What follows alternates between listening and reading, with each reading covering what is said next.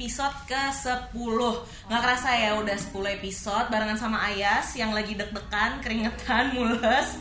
Kenapa?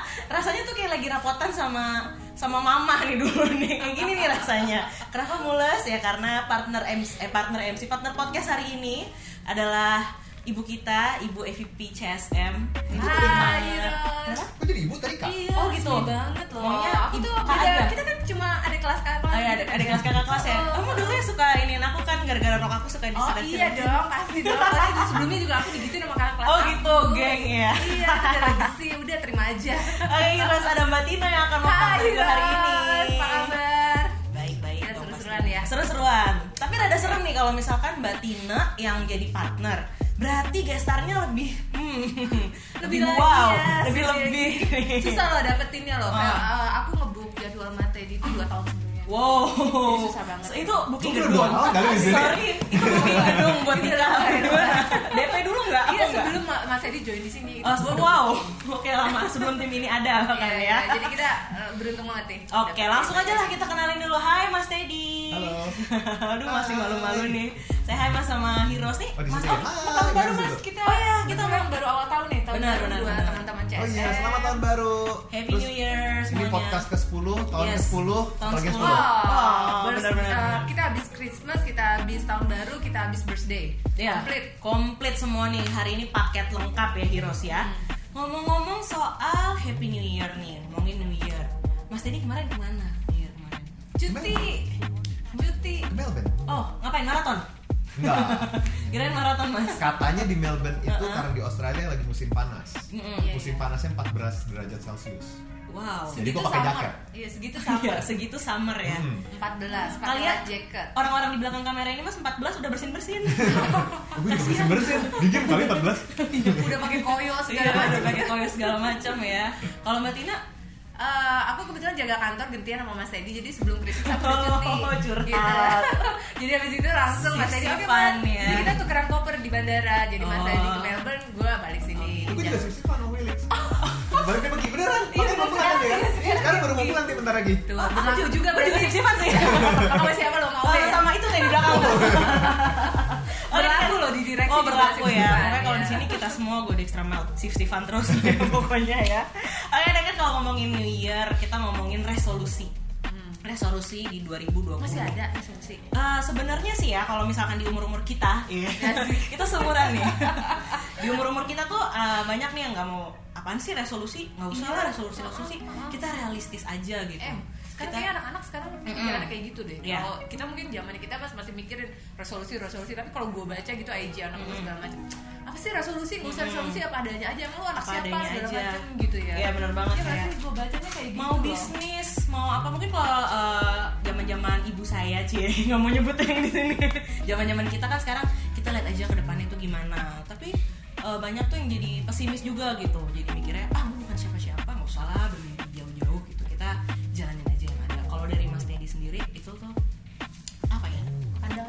Pandangannya Mas Pandangannya Teddy kali ya. itu pandangannya Tentang resolusi. tentang resolusi Masih penting nggak sih, sekarang, Mas? mas masih penting nggak sih Resolusi gue gagal di 1 Januari. Gimana dong? oh gimana tuh Apa bisa resolusinya apa sudah gagal aja Resolusinya kalau lari nggak mau lagi di belakang bini, tapi ternyata ha- hari tanggal Wah. 1 Januari lari gue di 300 meter depan gua. Gimana dong? Emang nggak bisa ngejar gua. Tinggal itu dia Mas Teddy ini juga runner. Juga runners ya. Oke, banget. couple runs together, stay together ya. Iya. Sehat ya kalau Bukan bukan katanya ya? dia pas pacaran gue kurang ngejar dia. Jadi sekarang Oh, udah bisa kejar. Catat, catat. Kajarnya 42 kilo lagi. Kata bener gua. Catat, perempuan ya. Boleh tuh Mbak Tina dicoba. Iya. Kita coba ya ke laki-laki ya kita hari iya. Nah, oke tadi kalau misalkan eh, Mas Teddy sendiri penting gak sih jadi Ya kayaknya kalau resolusi itu nggak perlu tanggal 1 Januari kali ya. Hmm. Kayaknya tiap hari ya. Tiap hari harus punya resolusi. Iya, jadi kita punya mau sesuatu yang better, better terus gitu kan. Tujuannya resolusi kan itu kan. Hmm, benar banget. Kayak gitu. Nah, Sama target juga makin lama makin tinggi. Oh, aduh. Eh, nyambung ke sana gitu. tolong ini mendadak dokter dimarahin dulu boleh gak sih? baru accept invitation ya bahas Hmm. OKR bareng Mas Iya.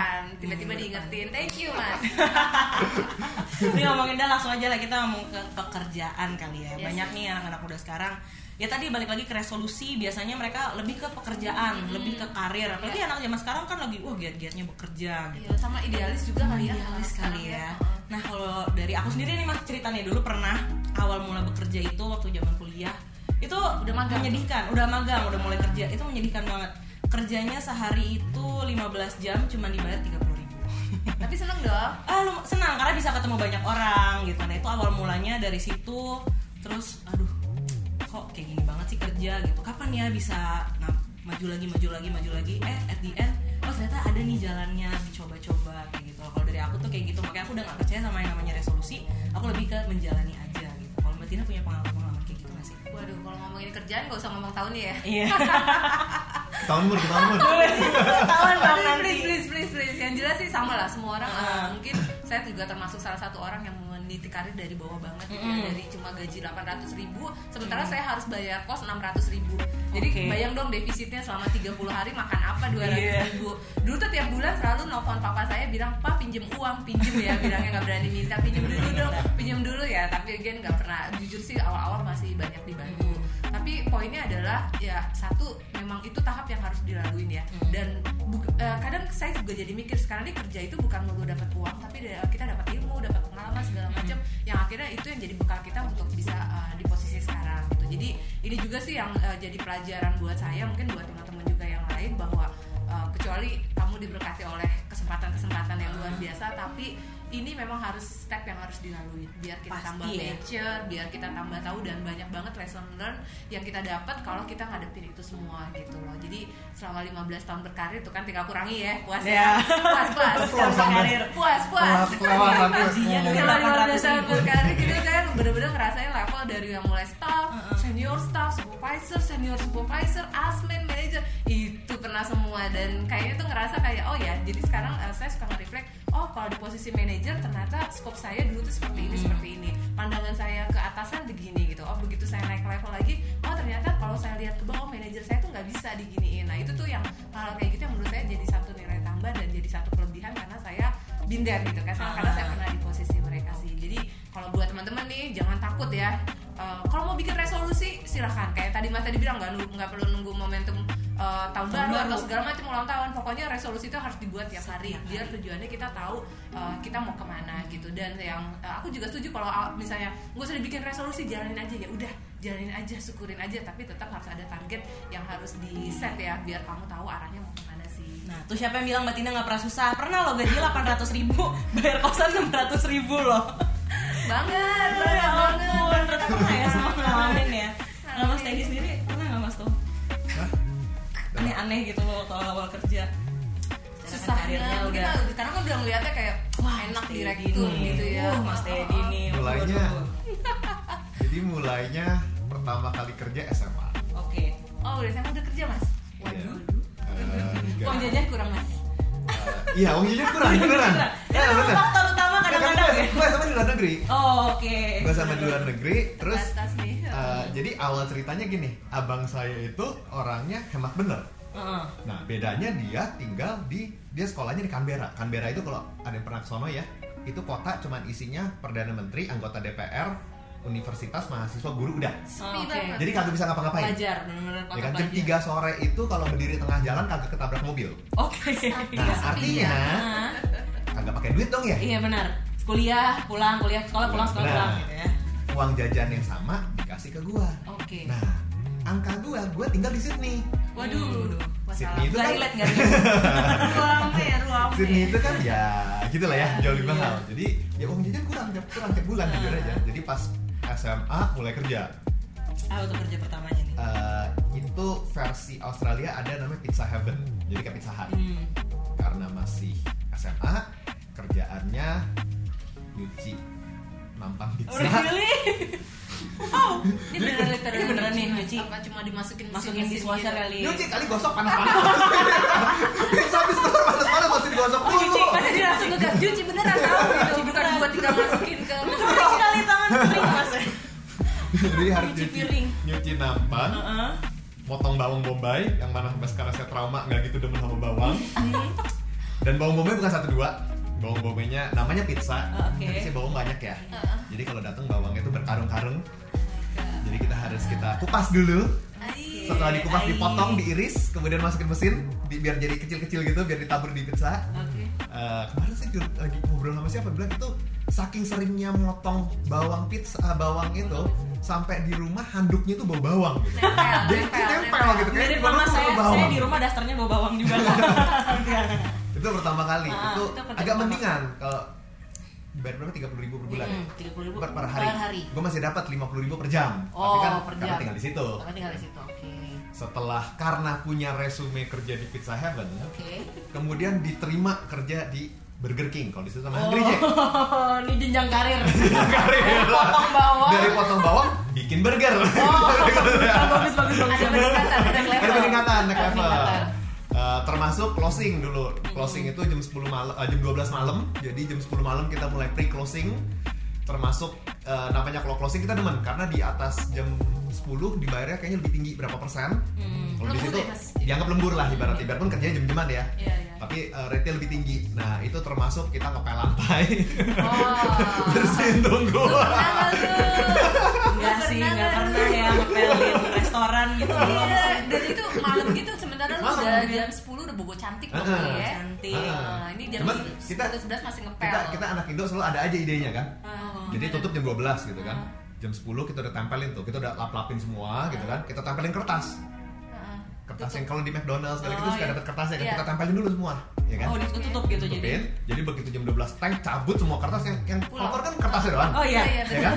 Ember siram ke lantai, terus langsung pakai uh, yang sapu yang gede gitu, Iya, iya. akhirnya keluarin ke belakang, udah kelar kan, kelihatan bersih kan, buang semua pulang gue. Ngepel ala Mas Teddy ya, Heroes. Boleh. Boleh, boleh, boleh, boleh, boleh. Dapat ilmu, dapat Dapat ilmu. ilmu nih lumayan ilmunya yang suka ngepel-ngepel di kosan yang kebanjiran kemarin. Tapi itu kan karena bisa gue buang keluar airnya. Kalau buang Iya, dari kamar kos ke kamar kos lain kasihan gitu. Waduh, ada kriminal, ada kriminal. Kriminal ya, tapi lumayan maksudnya kita nggak akan pernah nyangka gitu aku nggak bisa gitu ngebayangin Mas Teddy yang pela motong bawang tapi itu pernah dulu ya Mas ya Kamu Nah, tuh jadi- lemah tuh. oh, Jadi- kita jadi- lemah nih berarti langsung aduh lemah nih Jadi kayaknya. waktu uh, kali ini di Melbourne gitu, oke uh, pergi kan uh, apa lagi jalan-jalan, Hmm. terus uh, oh cerita itu karena bener-bener karena kita kali ini pergi cuman saya, bini saya anak dua, Mm-mm. ada ayah saya di situ. Akhirnya walhasil uh, bini masak, ya kan? Hmm. dia lagi ini dia bilang "Eh, udah kamu ngurusin anak aja nggak bisa bantuin saya. Siapa bilang? Gitu. maksudnya? Siapa bilang? Loh lu perlu gue bantuin apa? Emang lu bisa potong bawang? Bisa dong. Buktikan. disuruh potong bawang potong sayur ya kan? Terus terakhir bilang kocok telur. Lalu gue bingung gak pernah kocok telur kan? Kerja tempat pizza sama itu gak ada kagak sorry yang ini gue gak pernah. Oke, tapi kalau untuk urusan motong-motong bawang kayak gitu Iya. udah. Masih bisa lah. Tapi emang Iya.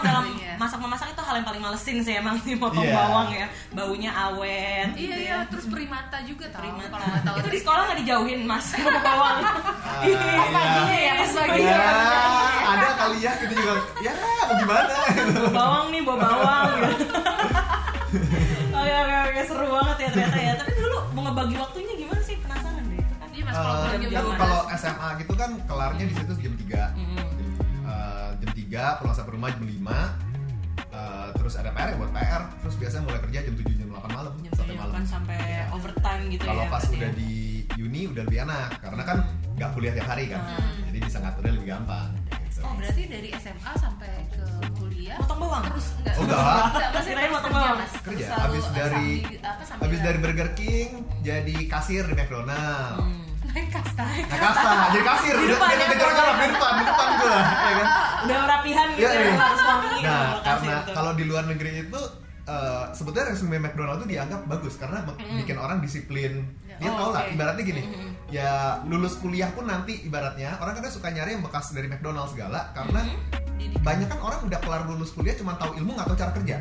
Oh, oke Padahal kan perlu ya cara ya kerja ngatur apa segala gitu ya, X factornya penting gitu kan. Terus dari situ apply masuk kantoran ceritanya kantoran. Hmm. tapi sebetulnya kerjaannya jadi OB di kantor. Tapi lumayan lah OB di kantor di situ suruh pakai dasi. Keren dong rasanya kan? Oh, jadi keren pas bilang, kuliah pakai dasi gue Tadi pakai dasi Kerjanya ngapain mas? Literally obey Literally obey. Di sana ya, sediain cookies em, terus udah gitu kalau terus saat itu kerjanya perusahaan itu perusahaan dana pensiun.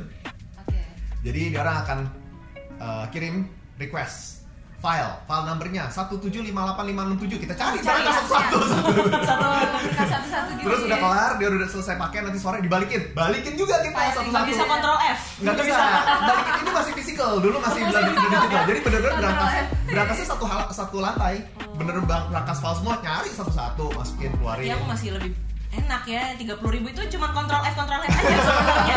Kontrol F 178 oh iya ada dikirim gitu ya. Oh, oke oke Itu oke. Bisa nyari menarik loh. ya. Cari beneran physical. Iya, terus oke. eh, kalau misalnya akhir quarter mau kirim surat buat eh, apa member dana pensiun.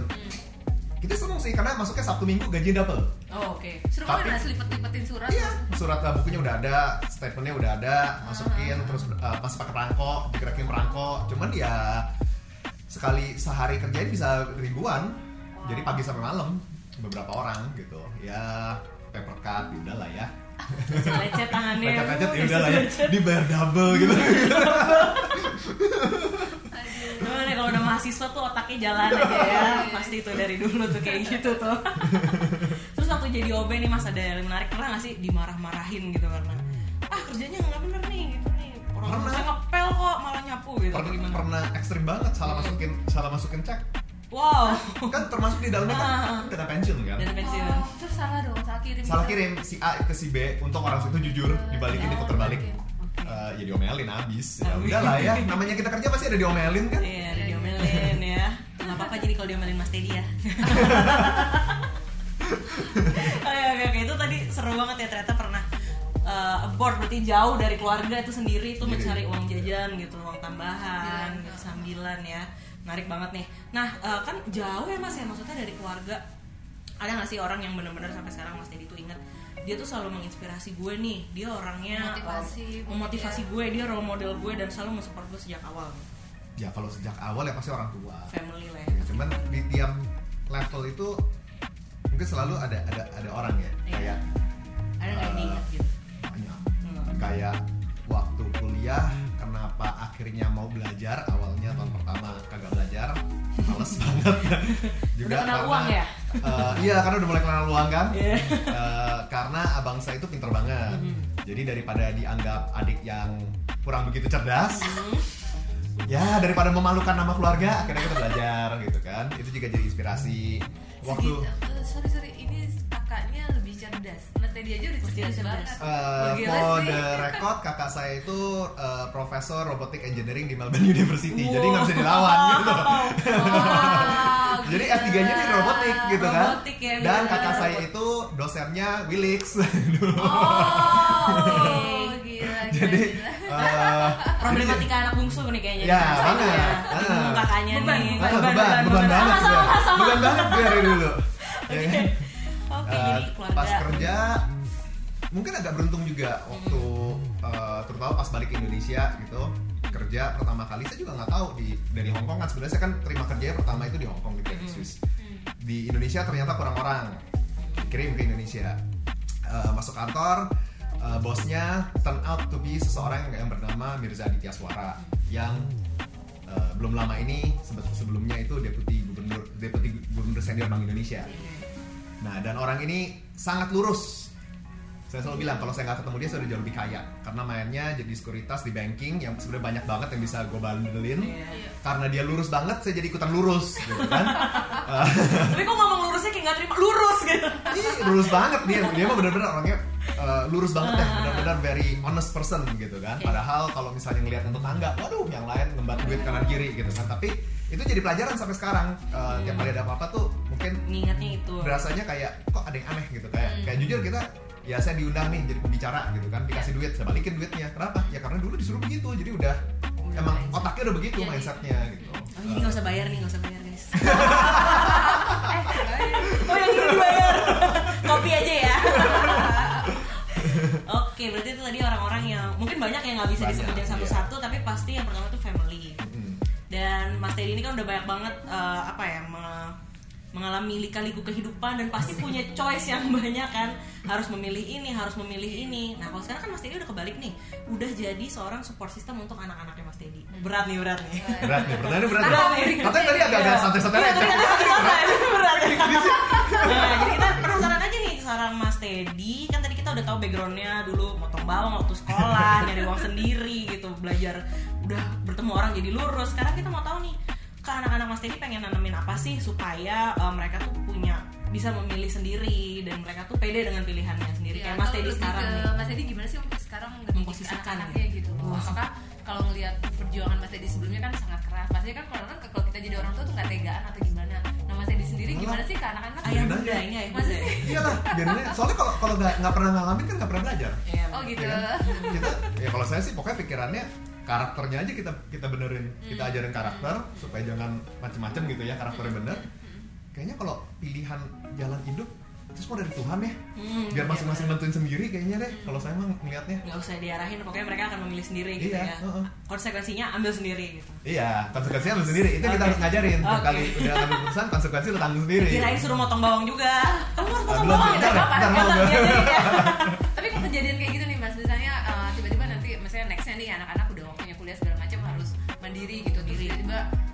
jajan dari mas Teddy sekian-sekian gitu. Misalnya selebihnya harus kerja. Itu mas Teddy kayak gitu gimana tuh? Tega nggak? biarin aja tega gak sih gitu? Maksudnya ngalamin kayak mas Teddy dulu Hmm, gitu. kalau kalau gue ngeliatnya mungkin ya harus tega ya. Karena gini karena ngalamin itu semua pas beneran waktu kerja. Sebenarnya kerja pertama jadi dosen sih. Tapi waktu eh, terjun ke swasta gitu ya itu kita lebih mudeng gitu. Jadi nggak kayak saya ingat banget pertama kali kerja kan kita selalu berasa kayak aneh ya kayak ini kita harus ngapain? Iya. kayak nggak ada apa ya punya ilmu tapi nggak tahu harus kerjanya gimana Iya, ngapainnya gimana. iya. tapi karena ada pengalaman-pengalaman itu tuh pas kerja lebih lebih banyak apa ya proaktif inisiatifnya lebih banyak gitu. Jadi menurut saya itu buat kebaikan mereka juga ya. Kalau memang mereka milih seperti itu ya apa aja. Nggak salah udah terjawab ibu? Ini ayah bunda nih. Ayah bunda. Enggak, karena waktu itu pernah ngobrol sama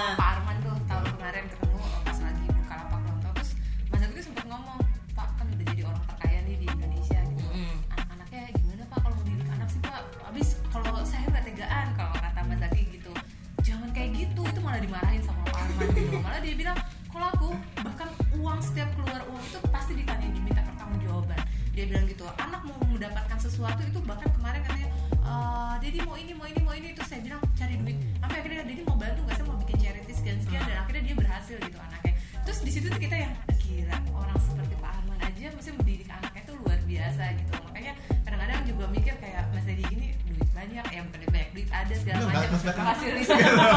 Fasilitas ada gitu. Kadang-kadang kan juga gue merasakan kadang-kadang Iya. kalau anak tuh suka nggak tegaan terus gimana caranya segitu kadang-kadang me- apa ya me, ya berusaha untuk objektif antara ego sama emang kita lagi ngedidik gitu. Makanya tadi udah terjawab sama Mas Teddy ya udah kenapa enggak? Dia bilang itu untuk kebaikan mereka sendiri sih gitu ya. Memang apa sih ya mesti kita nanti mungkin buat eh, teman-teman yang lain yang ngerasain dan nanti sebagiannya udah papa muda mama muda juga gitu ya anak satu gitu ya baru mulai rumah tangga segala macam nanti ada fasenya tuh di mana yang Mas tadi bilang gitu ya nanti eh, harus dilematis nih harus tega harus apa segala macam tapi ternyata untuk kebaikan kita juga harus berusaha tetap objektif sih gitu. ini balik lagi ke statement yang di awal banyak yang bilang ah dia kan punya uang dia punya channel Iya, iya, gitu iya. pasti ya mereka emang apa punya resolusi kayak gitu jangan ya heroes ya. Ini balik lagi ke diri masing-masing. Kalau nanti kata Mas Teddy kan eh, itu dari Tuhan emang semuanya ya pilihan apa segala macam kalian juga yang nanggung konsekuensinya. Jadi jangan takut nih heroes untuk selalu maju.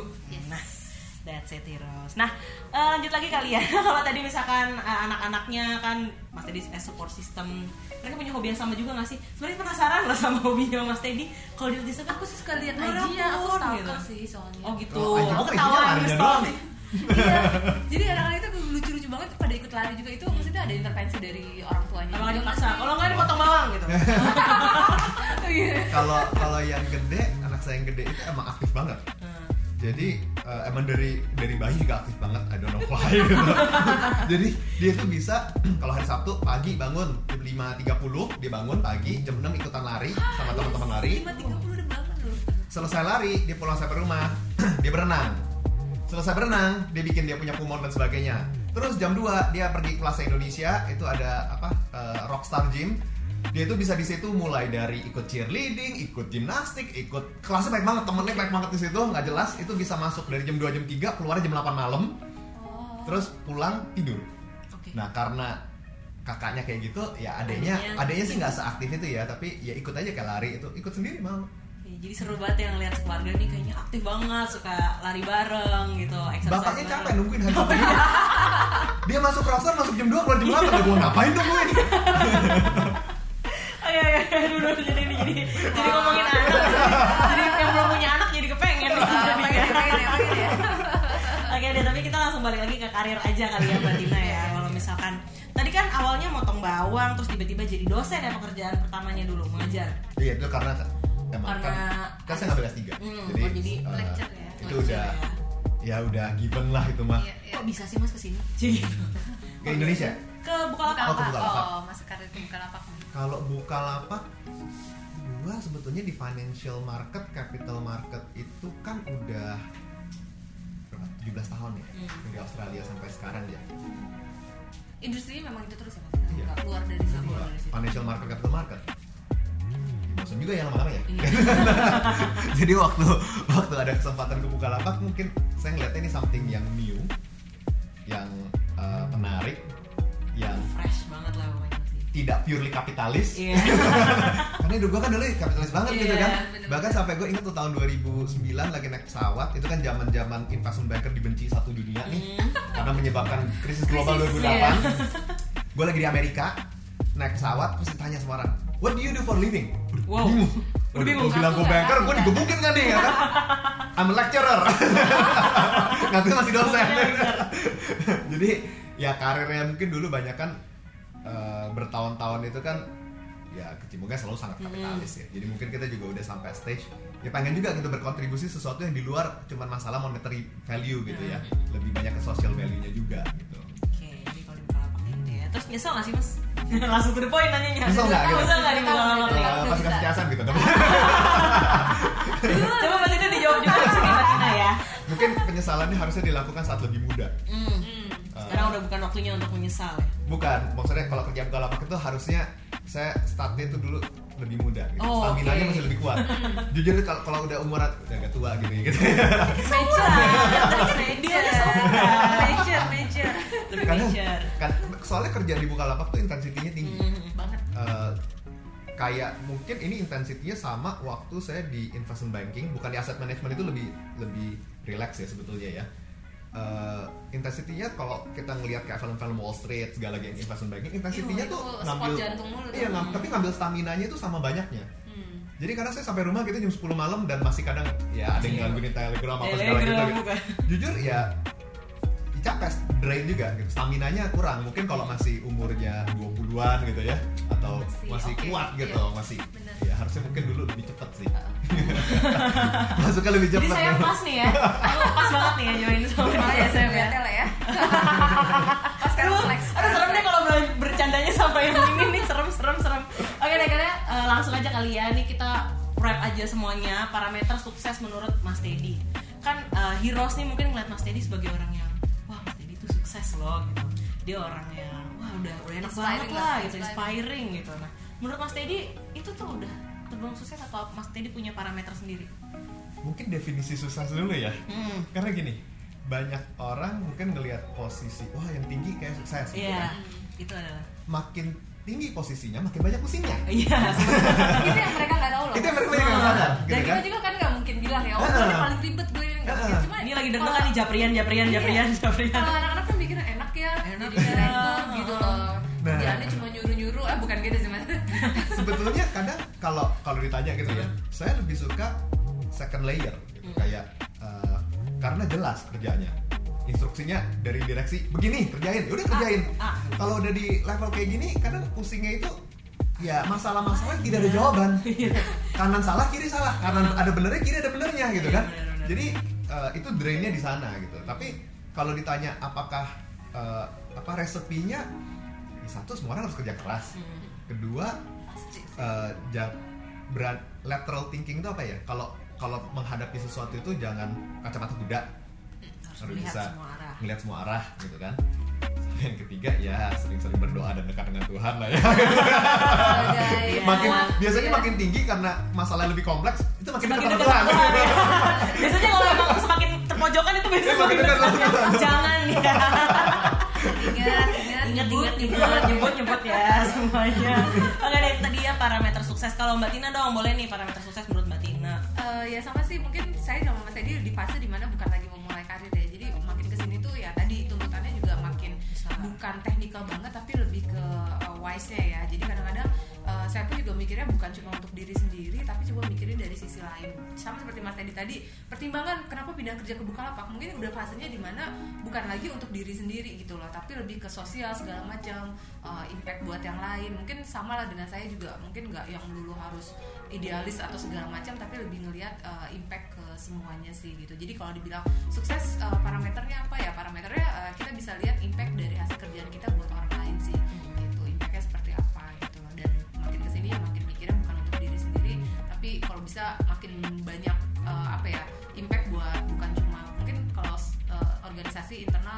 tim buat segala macam buat ke eksternalnya ya kita seperti kita tahu kan Bukalapak juga memang punya visi misi yang sangat uh, bagus banget gitu ya jadi mungkin itu juga yang jadi selalu uh, pegangan buat uh, kita sih gitu Oke, jadi gitu Heroes ya.